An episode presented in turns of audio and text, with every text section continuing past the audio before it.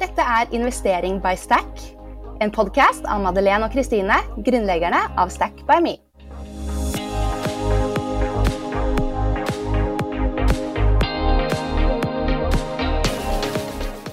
Hallo!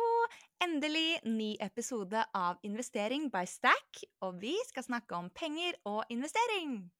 Ja, våre favorittema. Og i dag blir det også en dash med gründertips, håper vi, for gjesten i dag er en vi ser skikkelig opp til, nemlig Murshid Ali. Vi tenkte at siden vi nå er ute med en emisjon med Stack på Folkeinvest, så passer det bra å snakke litt om startup-investeringer også, så vi blir superglade for alle som går inn på Folkeinvest og følger oss på kampanjen vår der. Men Murshid, velkommen hit! Takk skal du ha. Ja, hyggelig å ha deg her. Og for å gi litt bakgrunn, da, så ble vi kjent med deg rett før jul for snart to år siden. Eh, Mhm. Da var vi i veldig tidlig fase med Stack og snakket egentlig med masse potensielle partnere. Og du var på det tidspunktet i Huddlestock, som vi kan snakke mer om, men det er et selskap som du har vært med å gründe, og som Mhm. nå er på børs. Og det er jo bare helt rått. Og ja, du har egentlig gjort masse, masse spennende og er nå leder i Skyfri, som du også har gründet. Og Mm. vi leser jo om deg overalt, og investorene står i kø for å investere i deg. Så vi håper du avslører litt hemmeligheter her i dag. Men eh, ja, fortell gjerne med dine egne ord, da. Eh, En liten intro.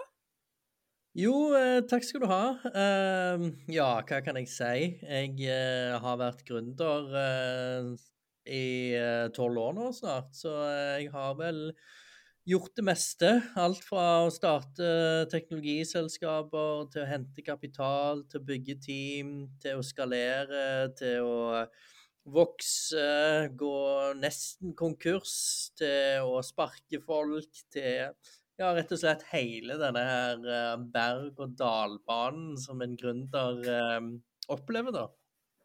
Ah, shit. Ja, sykt spennende. Men har du eh, Ble du gründer med en gang etter skole, holdt jeg på å si, eller har du hatt en vanlig jobb først? Um, jeg har eh, hatt lenge ønske om å, å, å bli gründer. Eller i utgangspunktet, når jeg eh, dro opp til Trondheim for å ta en bachelorgrad, så um, var drømmen min å bli forfatter. Um, så jeg har alltid hatt et ønske om å skape ting. Uh, fra liksom scratch til at det blir noe. Enten en bok som du kan holde mellom hendene dine og lese, eh, eller et maleri som du kan se på og bli fascinert av, eh, eller et selskap. Um, og det å starte selskap, det var litt sånn andrevalget ved siden av å bli forfatter. Um, og når jeg ikke klarte å skrive en bok, så um, eh, endte jeg opp med å studere økonomi. Jeg tok en mastergrad ved Grenoble École de Management, som er en fransk skole. Og så jobbet jeg litt i uh, Utenriksdepartementet, um, hvor jeg faktisk uh, Sjefen min var onkelen til Madeleine. Ja, det er en liten verden. Ja, veldig liten verden, så det var litt morsomt. Um, og så jobbet jeg litt i Aker Solutions uh, og litt på Aker Brygge, i et sånn uh, finansmeglerhus. Um, men jeg likte ikke den ideen av å være innelåst en plass. Jeg ville være fri til å kunne skape uten å ha tøyler, uten at noen hang over meg og fortalte at du, dette må du gjøre, og dette må du gjøre. Eller kritiserte e-posten mine fordi jeg hadde glemt et punktum, liksom. Um, så det var, det var kanskje det som utløste skapertrangen. Ikke sant? Ah, sykt spennende. Du har jo vært med på så mye, da. Men jeg er sikker på at det, du kan jo skrive en bok i ettertid Ja, om alt dette her. den boken vil jeg lese. ja. Så bra. Men eh, tilbake til dette første møtet med deg, da, eh, Murshid. Eh, det var jo egentlig et stort vendepunkt for oss i Stack også. Mm. Um, jeg husker i hvert fall at vi ble veldig motivert, for vi hadde jo lyst til å starte investeringsplattform og tenkte sånn, ja, kan vi det? og begynte å sjekke litt rundt. Og du hadde jo masse tips og var superbull og mente at vi kunne jo være på luften vi med aksjehandel om bare noen få uker. det tok litt mer tid, da, men uansett deilig med en som hadde den approachen. Mm. Ja, jeg, eh, jeg, jeg, tror at en av de tingene som man må ha som gründer, da, det er jo en sånn ukuelig optimisme. Uh, for det er jo Jeg syns jo at det dere har fått til uh, i Stack by Me, er jo helt uh, fantastisk i løpet av så kort tid. Um, vi brukte mye lengre tid i Huddlestock på å komme der dere er i dag. Um, og det er ikke bare enkelt, uh, som du vet, å navigere seg i alt det der regulatoriske og skaffe kunder. Man må liksom umiddelbart være verdensmester i å være potet, nærmest. Du må balansere alt. Absolutt. Men kan ikke ta et uh, kjapt to år om Huddlestock, da, for de som ikke vet hva det er? Og hvorfor det var aktuelt for oss egentlig å snakke med dere? Ja, um, Huddlestock, kjapt fortalt, så var det et produkt av uh, en gjeng ekstremt naive Stavanger-folk som trodde de skulle kunne snu opp ned på finansverden ved å finne opp en revolusjonerende tradingplattform Um, uten å ha noen som helst kunnskap om finansindustrien, om det regulatoriske eller noe annet. Og, uh, helt eksepsjonelt uh, naivt, uh, men det er jo kanskje det òg som gjør at reisen blir desto morsommere. Fordi, jeg mener, Hvis du tenker på oppstart og gründervirksomhet, så mislykkes jo statistisk sett Og jeg er ikke noen fan av statistikk, det kan jo ofte være veldig sånn misleading. men de fleste um, klarer seg ikke. Og uh, de fleste som starter teknologiselskaper, klarer seg i hvert fall ikke. Og at vi klarte å ikke bare overleve, men å karre oss til å skape et selskap, da. Uh, som i dag uh, har 70 ansatte, og som vokser jevnt og trutt. Um, det syns jeg at uh, vi kan være stolt over, selv om vi måtte pivotere og forandre meninger og mennesker og alt mulig underveis. da. Mm. Er du fremdeles uh, involvert? jeg, nei, jeg sitter ikke lenger i styret. Jeg um, det som er litt sånn rart, når du starter selskap, så ser du aldri for deg at du kommer til å holde på så lenge. Men jeg satt i styret i Huddlestock i åtte år uh, før jeg gikk av i, i mai i år. Og da følte jeg at jeg hadde gjort mitt, da. Og mm. tiden var moden for at andre tok stafettpinnen videre. Ikke sant. Og det må også føles litt rart å bare forlate babyen sin.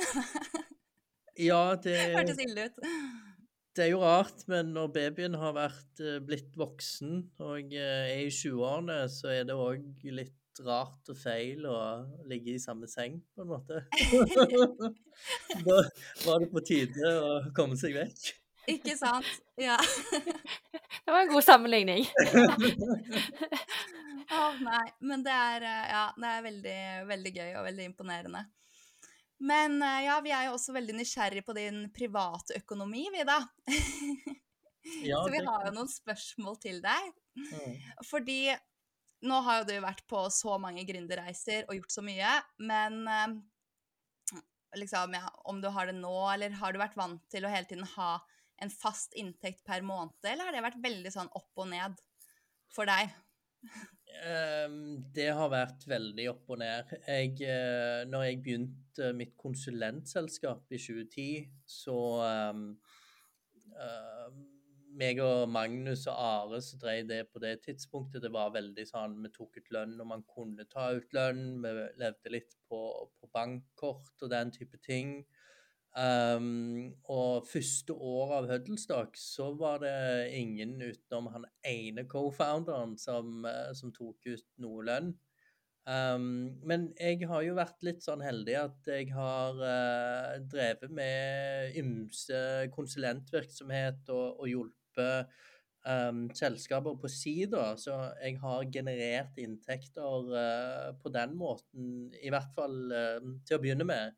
Men nå når man har begynt å bli relativt rutinert um, som gründer, så har du jo litt forskjellige inntektskilder, men du lærer deg òg når du har henta uh, gode nok finansieringsrunder, at du uh, tar ut uh, lønn til at det ikke er en stor bekymring. Men mm, det er aldri sånn feite lønninger. Det er som regel med god porsjon ja, under markedsverdi, for å si det sånn.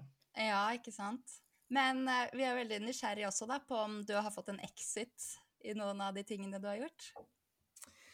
Ja, jeg, eh, jeg, har jo, eh, jeg har jo vært heldig nok til å solgt aksjer underveis i de ulike selskapene som har gitt, gitt trygghet, på sett og vis. Um, og før børsnoteringer eller etter børsnoteringer osv. Så, videre. Så uh, i Norge så er det jo sånn at alt er jo transparent. Uh, hvis man går inn på Proff, så ser du nok det meste. Hva står det der, da? uh, ja, det er bare å gå og kikke. ok. Will do. Nei da. Men ja, det er, jo, det er, jo, litt av det som er motivasjonen, da. Når man starter egne selskaper og jobber for det du sier også, under markedsverdi så har man liksom alltid de aksjene som er gulroten, som man har et håp om at uh, skal realisere seg. Ja, absolutt. Men det, det, er liksom Jeg vet ikke. For meg så har aldri pengene vært drivkraften. Fordi jeg har jo kompiser som jobber i finans, og som jobber i corporate-verden, og de har jo begynt å klatre nå, og lønningene de får um, i disse selskapene er ganske solide. Um, og jeg har jo valgt det vekk. Jeg har jo valgt vekk det livet. Og som gründer så føler jeg at du heller velger å stå ut forbi den boblen, eller heller spille fotball på fotballbanen istedenfor å være uh, gjengen som, som kikker. Og så kan det hende at du skårer mål av og til, men da er du i hvert fall på banen og, og spiller. Og skårer du mål, så får du gjort helt fascinerende ting. Så det dere har satt i gang, og den inspirasjonen dere er for sikkert eh, titusenvis av uh, mennesker der ute, er ikke noe du skal undervurdere. For det å ta steget Det er sinnssykt mange folk som har ideer og som ønsker å starte selskaper, men det er dessverre de aller færreste som faktisk tør å, å gjøre det dere har gjort. da. Ja. ja det er jo en veldig fin uh, måte å si det på. Man skal jo sette pris på, på, reisen, på en måte, på det man skal gjøre hver dag. For det er jo hardt arbeid og, og som du sier også, at man får gjort veldig mye forskjellig da, og lært så mye og vært med på så mye gøy. Så ja, vi, vi er jo liksom vi, Selv har vi satt fastlønnen vår også veldig lavt. Mm. Og det er jo også noe vi har følt på fordi at man vet jo liksom ikke Man kan jo ikke hente penger for at vi skal ta ut feite lønninger. Mm. Så ja. Så, men ditt tips er, høres ut som at Eller ja, holde det litt lavt. er det bra? Er det det? Er det ja. suksessoppskriften? Eh, vel, det, det, vet jeg ikke, men sånn um, Når du starter selskap, uh, ta ut uh, Ta ut det, det, som på en måte er minimum til deg sjøl. Det har jeg på en måte Eller har jeg alltid gjort da, i de ulike selskapene. Og, og grunnen til det er at um, du sitter jo på store deler av aksjene. Og hvis du lykkes, så vil jo du få en, eh, en stor oppside. Um, et ganske godt eksempel på dette er jo Lars i Bustadøy, som um, uh, strengt tatt har blitt milliardær på, på, aksjene sine. Men i mange år så tok jo han ut uh, 450 000 i, i årslønn. Um, og når jeg spurte han Herregud, du kan jo ta ut 600 eller 700, ja. uh, fordi dere trykker jo penger, eller dere tjener jo faktisk penger. Så sa han nei, Uh, For meg så setter det presedens for resten av uh, organisasjonen. For hvis de ser at sjefen tar ut feite lønninger, så vil de be om det samme. Mens hvis de ser at jeg sitter på 450, så skal det litt til for at de skal komme og be om en millionlønning. Ja. Det er sant. Vi hadde jo ikke så fete fastlønninger akkurat i min forrige jobb, så det steget for meg var kanskje litt mindre enn deg, Kristine. Men eh, jeg syns jo det må være et mål, da, som en startup, at man ganske raskt kommer til det punktet hvor man kan betale folk ordentlige lønninger for, Mm. eh, for jobben de gjør. Mm. Eh, spesielt de som kommer inn senere og ikke har såpass mye aksjer som, som meg og Kristine har, da. Mm. Ja, vi har jo vært opptatt av å gi Eller der må man jo nesten gi markedspris, eller vi må jo det. Ja, man må jo det hvis man skal Ja, få for å få de beste folkene. Ja. Men ja, så det er jo egentlig bare oss to akkurat det gjelder, da. Mm. Ja, og der er det jo ganske frustrerende. Hva syns du om det, Murshid? Fordi eh, de, de nye arbeidsgiveravgiftsreglene de rammer jo tech-bedrifter ganske hardt. Det er ganske umulig å finne en CTO til under 750 000 kroner. Ja, eh, vi har jo slått hodet i veggen eh, mange, mange dager nå eh, etter at det nye statsbudsjettet kom ut. Det er jo Det virker jo som om det er en slags skatt på verdiskapning. Og det rammer jo ikke bare oss i tech-bedrifter, det rammer jo offentlig sektor òg. Min kone hadde en hadde sin disputas uh, i forrige uke, og da snakket jeg med, med flere som avdelingssjefer innenfor staten. Og deres ansatte må de òg betale 5 ekstra eh, for. Så de må da gå tilbake til staten og be om høyere budsjetter, og så er det en sånn merkelig sirkel av offentlige penger som bare går rundt og rundt. Så Nei, jeg, jeg skjønner ikke helt uh, den politikken, dessverre.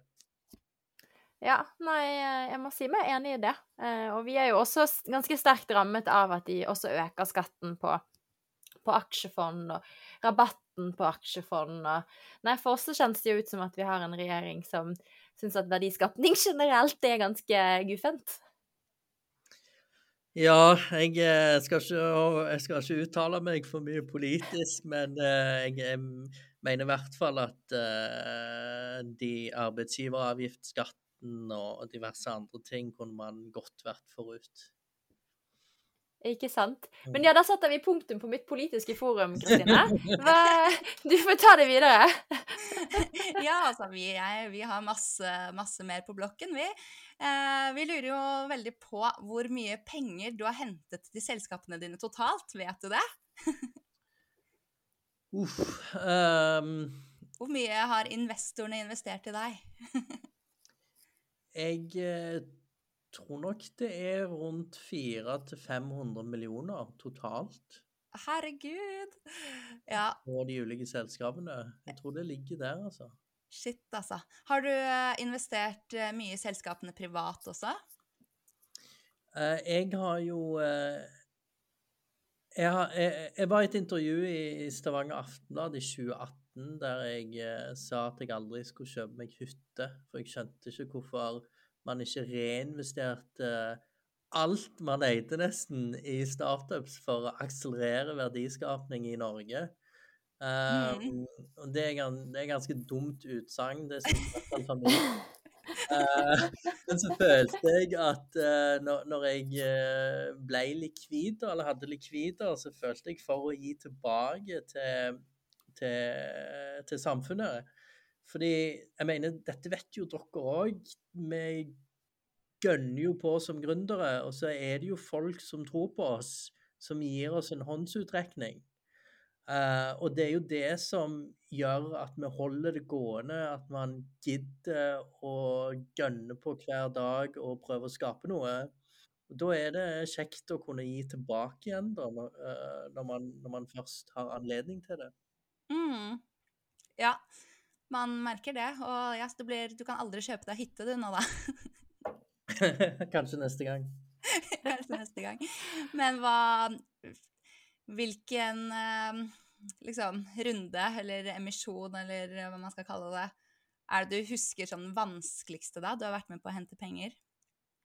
Jeg, jeg tror nok at eh, jeg tror nok at personlig noe av det vanskeligste jeg har vært borti, og mine medgrunner har vært reisen med Huddlestock. Um, det var rett og slett en uh, helt traumatisk reise på, flere, på, flere, på, på flere, områder. Fordi um, man går jo gjennom en berg-og-dal-bane av følelser av nær døden-opplevelser i, i forhold til potensielle konkurser og ja, alt som er, da. Men jeg tror nok noe av det vanskeligste er såkalte down rounds. Og eh, i Huddlestock så gikk vi jo i, høyt ut til å begynne med, og eh, etterpå så måtte vi gjennom en del sånne down rounds. Og det er aldri kjekt. Hva betyr det da, for de som ikke vet? Det betyr at eh, du verdsetter selskapet ditt til si 100 millioner pre-money, og så henter du en runde, og så åtte måneder etterpå så sliter du fordi du ikke har klart å levere på forskjellige ting, og så må du hente på si 70 millioner. Uh, så da får jo alle investorene seg en knekk, og så blir uh, folk blir ikke fornøyde. Mm. Men uansett Så du kan jo sammenligne med det. Så uh, hvis du hadde hentet 40 millioner på 100, ikke sant, mm. så er det jo 140 millioner i verdier etter mm. transaksjonen. Og hvis man da henter penger på 70 millioner, så har jo rett og slett verdien av selskapet halvert seg. Mm. Stemmer, ja. ja. Så det blir som å kjøpe en aksje på Euronex Growth, og så faller den 50% i pris. Riktig. Det er jo en downround. Og så henter du nye penger på den prisen. Riktig. Og downrounds er én ting, for eh, det vi som gründere må huske på, det er jo at uh, livet er mye mer enn å være gründer og hva andre folk syns, da. Uh, det er bare business in the end. Um, men noe av det verste jeg var borti, så, som jeg gjorde med Huddlestock, uh, og under de virkelige krisene i selskapet, um, det var når vi begynte å måtte spytte inn relativt store summer selv i, inn i selskapet fordi vi ikke fikk tak i gründer, uh, sorry, investorpenger. Og uh, vi måtte lønne de ansatte for å holde det gående. Og da, Det var nærmest som et sånn svart hull der du kaster penger nedi der dine penger går én måned fra deg til de ansatte, fra din lomme til deres lomme, måned på måned, og så ser du ingen ende på det. Det er et mareritt. Der eh, anbefaler jeg ingen. Ah, hvor lenge måtte dere holde på med det, da? Uh, vi holdt på med det i tre-fire måneder, tror jeg. Og det, det, var en veldig mørk periode. Ja. Det, det husker jeg.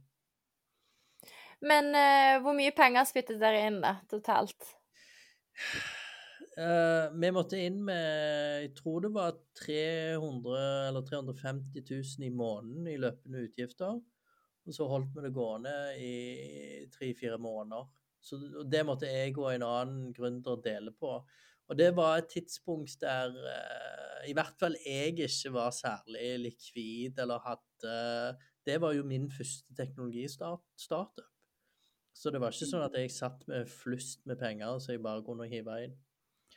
Ja, nei, vi I feel you, holdt jeg på å si. Jeg kan sette meg inn i det, men uh, det er helt sykt hvordan man kan føle det på kroppen når man sitter så i det. Ja, absolutt. Det, er, det, var, en, det var en vanvittig periode, men jeg tenker at uh, med mindre du har vært i det, og hvis du har kommet deg ut av det helskinna, så har du med deg en erfaring som er gull verdt, fordi uh, du har liksom traska gjennom skjærsilden og overlevd, så mm. te, uh, jeg mener alt annet som kommer etterpå, det blir bare blåbær i forhold. Ikke sant? Men følte du at uh, du fikk noe igjen for det sånn ved senere kapitalinnhentinger? At dere hadde spyttet inn penger? Ja, eh, absolutt. Fordi i retrospekt så gikk det jo, gikk det jo bra. Og eh, det er jo sånn i gründerlivet, man må ha en god dose flaks. Man må kunne holde ut. Fordi det er jo, det er jo et maraton. Um, og så må du ta beslutninger som er vanskelige, men som kanskje kan ha et positivt utfall. Og ikke være redd for å ta de beslutningene. Og vi, vi kommer oss ut av det ved å, ved å, å gjøre de tingene, da. Mm. Da satser man liksom alt, da, og så har man ståltro på at det man gjør, kommer til å gå bra. Mm. Ja. Men kanskje man tvilte dere litt underveis, da? Ja, selvfølgelig. Det er jo, eh, det er jo masse tvil og eh, alt mulig. Og mitt ansikt var jo klistra ut der, og, og hadde ting gått andre veien, så blir det jo hengt ut, på en måte. Ja. Eh, det er jo sånn eh, mennesker er, og det er jo sånn kanskje spesielt Norge er, da. Og jeg får jo høre den dag i dag fra folk at eh, som sitter og har veldig komfortable kontorjobber, by the way, som sier til meg ja, men Huddlestock ble jo aldri noe revolut. Eller så sier jeg at ja, Norsk Solar ble jo aldri noe Scatec. men de har jo ikke tord å ta den risikoen, og det er jo de færreste som tør. Det er jo superenkelt å sitte der på ræven og kritisere andre mennesker, men det å ta en risk som dere har gjort, og skal ut der og forandre verden, det er beintøft. Og det er dritkult at, eh, at dere gjør det, da. Ja, og i like måte, det er ikke alle som har hentet f- 400-500 millioner eh, fra investorer heller, så Ja, vi har noe å aspirere mot der. ja. Men eh, altså, nå som du har fått litt exit, så jeg vet at du har investert en del i startups, men investerer du noe i aksjer eller fond også? Sånn litt mer likvide papirer? Ja, jeg, eh, jeg har gjort det. Eh, jeg har, men jeg har uh, solgt alt. Jeg gikk uh, alt i cash etter ja, etter det turbulensen i markedet nå, da. Ja, så du er rett og slett ikke Du er ikke sånn eh, time in the market beats timing the market-filosof? Ja, ikke, ikke foreløpig. Jeg, eh, jeg gjorde jo genitrekket av å pumpe ja, 90% av alle mine likvider inn i startups. eh, der alt var på topp. Absolutt alt. Så det blir interessant å se hva den avkastningen blir på de investeringene, men eh, ja. Sånn er det. Ikke sant? Du har jo gitt mye tilbake igjen, da, og for å si det sånn, da Det eh, som skjer nå med startup-verdsettelser og tekstselskaper og alt sånt Historikken viser i hvert fall at det pleier å snu, og da snur det ganske brått også. Så Mm. vi får se. Vi er nå optimistiske. Ehm, men så da investerer du egentlig ikke noe jevnlig? Nei, eh, det, det, som, det som er veldig interessant med uh, i hvert fall startup-investeringer, det er at uh, det er ganske godt timing-relatert, føler jeg, i forhold til engler, da. Um, så i fjor, for seks måneder siden, når det var mye likviditet, så gikk Og hvis startups skulle hente penger da, da gikk eh, kapitalen fort. Da gikk det til first come, first serve, basically. Uh, ja. Ja, ikke sant. Nei, det er eh, Men eh, det vi, det vi også lurer på, da, Mushid, det er jo hva du drømmer om for din økonomiske fremtid. Den ultimate drømmen. Nå virker jo du som en litt sånn uh, nedpå type, da, som Jeg vet ikke. Ja, jeg eh, det, det er vanskelig å si. Jeg føler alt er jo veldig sånn relativt. Jeg mener mye penger i Norge er en flytur i utlandet, eh, nærmest hvis du leier ditt eget fly. Og det er sånn Alt er, alt er veldig relativt. Jeg husker jeg satt eh, på Galvin etter Windows i London sammen med en som Eric, som driver Bankable, som er et fintech-selskap som vokser superraskt. Og så, Han har jo hatt en del exits, og så sa han ja, jeg håper å få ut eh, 500 til 1 milliard norske da, på dette caset. Bankable som han holdt på med. Så ja, men hva skal du med disse pengene? Nei, han vil kjøpe seg en båt, og da måtte han i hvert fall ha 300 millioner. Så jeg tenker, jeg tenker sånn, ting er jo relativt. For han så er jo så vil han jo ha en båt, for han har jo et hus og hytter og biler og alt det andre han trenger. Det er derfor jeg tror liksom at eh, penger kan aldri være målet. fordi hvis det er målet, så får du aldri nok av det. Og da er du eh, tilbake i det der hamsterhjulet. Da kunne du ha jobbet for Aker Solution eller Statoil eller hva det måtte være for noe, og løpt det løpet, liksom. Mm. Ja. Nei, men det, det gir veldig mening, det. Det er eh, å ha det bra i hverdagen, da. Å ha det man trenger. Ja. Og eh, eh, kanskje for oss gründere, da, det å ikke ha bekymringer. Det Ja. å være eh, økonomisk fri, da. Eh, og det kommer jo litt an på forbruket ditt, men hvis du er det, så slipper du å, å tenke på penger. Du er skikkelig sånn visjonær gründer. To the core. Det, det er skikkelig Det er bra, det. Men hva er din eh, ja, beste og dårligste investering? Har du liksom noe Noe du er superfornøyd med? Ja, kan jeg begynne med det dårligste først, da. Jeg studerte jo eh, på en sånn fransk grande Coll, og eh, jeg gikk i klasse med masse smarte folk som er mye kvatsere og smartere enn meg, der alle fikk jobb i finansindustrien i Zurich og London og, og så videre, og sitter og jobber i disse store investeringsbankene. Og når covid kom, så gikk absolutt hele gjengen short-markedet. Og eh, det er en kar jeg kjenner nede i Zurich.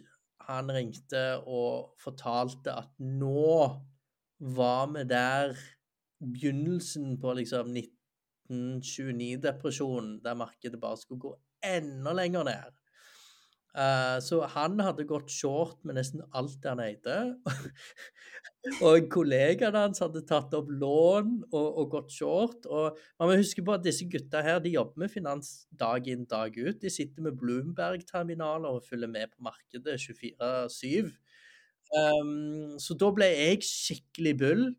Og så eh, gikk jeg òg short um, eh, markedet. Og alle vet jo hva som skjedde.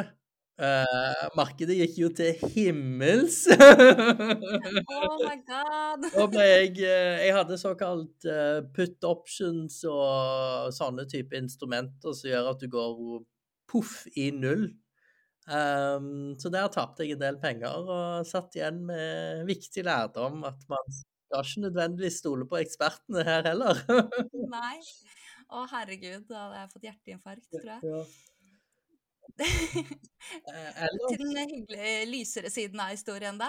Ja, eh, det er faktisk startup. eh, Jeg gikk inn i en startup som kom gjennom mitt nettverk fra Fintech. Et amerikansk selskap og eh, flinke folk. Uh, Veldig sånn komplettert team, dyktige. Um, Og de sysla med noe innenfor blokkjede.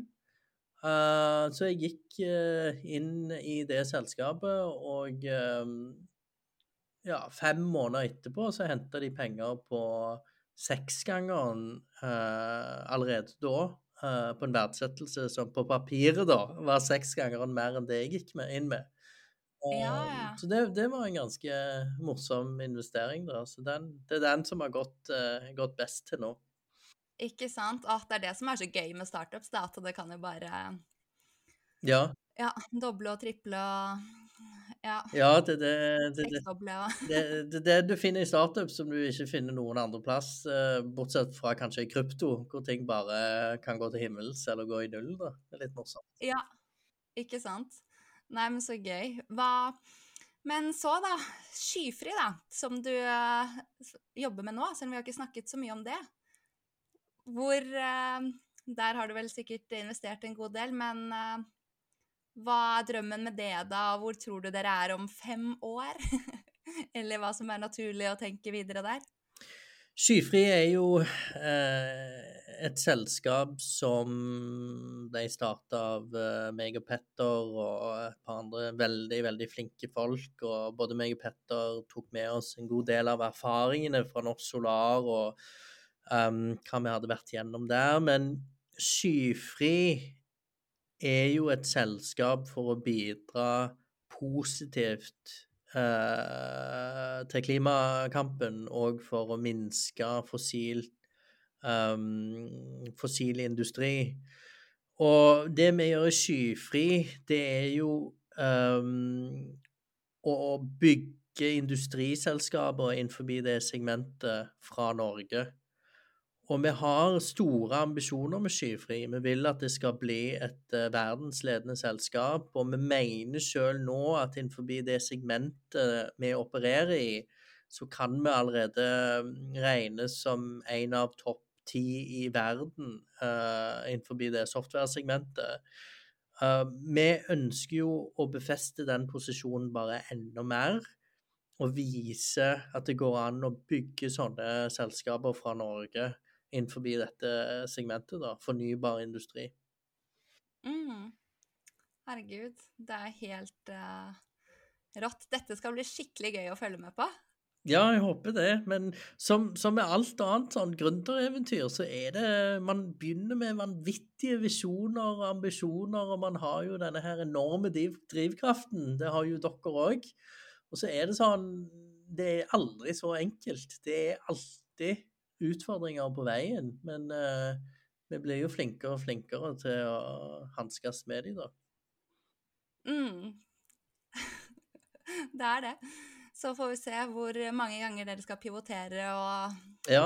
hva dere ja, hvor dere er om fem år, rett og slett. Rett og slett. Jeg har troen. Så bra, da. Jeg har troen på dere òg. Det, eh, det, blir veldig bra. Dere, det dere har fått til igjen, da, er ganske imponerende. Så tom, tom, tommel opp for det. det er hyggelig.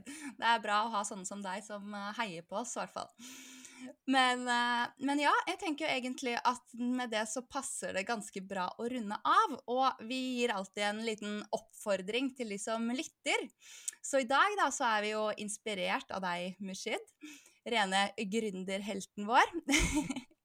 men altså, går du med en kul idé eller drømmer om å gjøre noe eget, så ja, ta en ekstra runde med deg selv, da. Kanskje du bare rett og slett skal hoppe i det. Det sies jo ofte at skal man bli skikkelig rik eller gjøre det skikkelig bra, så nytter det ikke å bare spare av lønnen sin. Man må skape noe. Skape noe stort. Eller gjøre noen veldig gode investeringer. Eller vinne i Lotto. så får man jo se hvilken vei man vil gå. Men uh, ja, og det var jo faktisk akkurat en Harvard-studie ute nå som uh, mente det at uh, de fleste som Altså hvis man ikke klarer å oppnå liksom gründerdrømmen, da, men prøver, så ender man veldig ofte i enda mer seniore stillinger etter denne gründerreisen, uansett hvordan det går. Så ja, det er jo som vi har vært inne på i dag, det er liksom opp- og nedturer, og man er gjennom så mye at det forhåpentligvis er verdt det uansett, da, læringsmessig. Mm, enig. Enig, ja. Bra. Men ja, jeg vil egentlig bare si tusen takk for deling og alt, uh, alt uh, Mushid. Det har vært uh, superinspirerende. Ja, super. Tusen takk for at jeg ble invitert til å, til å være med, og lykke til og vi oppfordrer alle til å følge podkasten, enten du hører på i Spotify eller i Apple, så får dere varsel hver gang det kommer ny episode, altså annenhver uke. Så tusen takk for nå.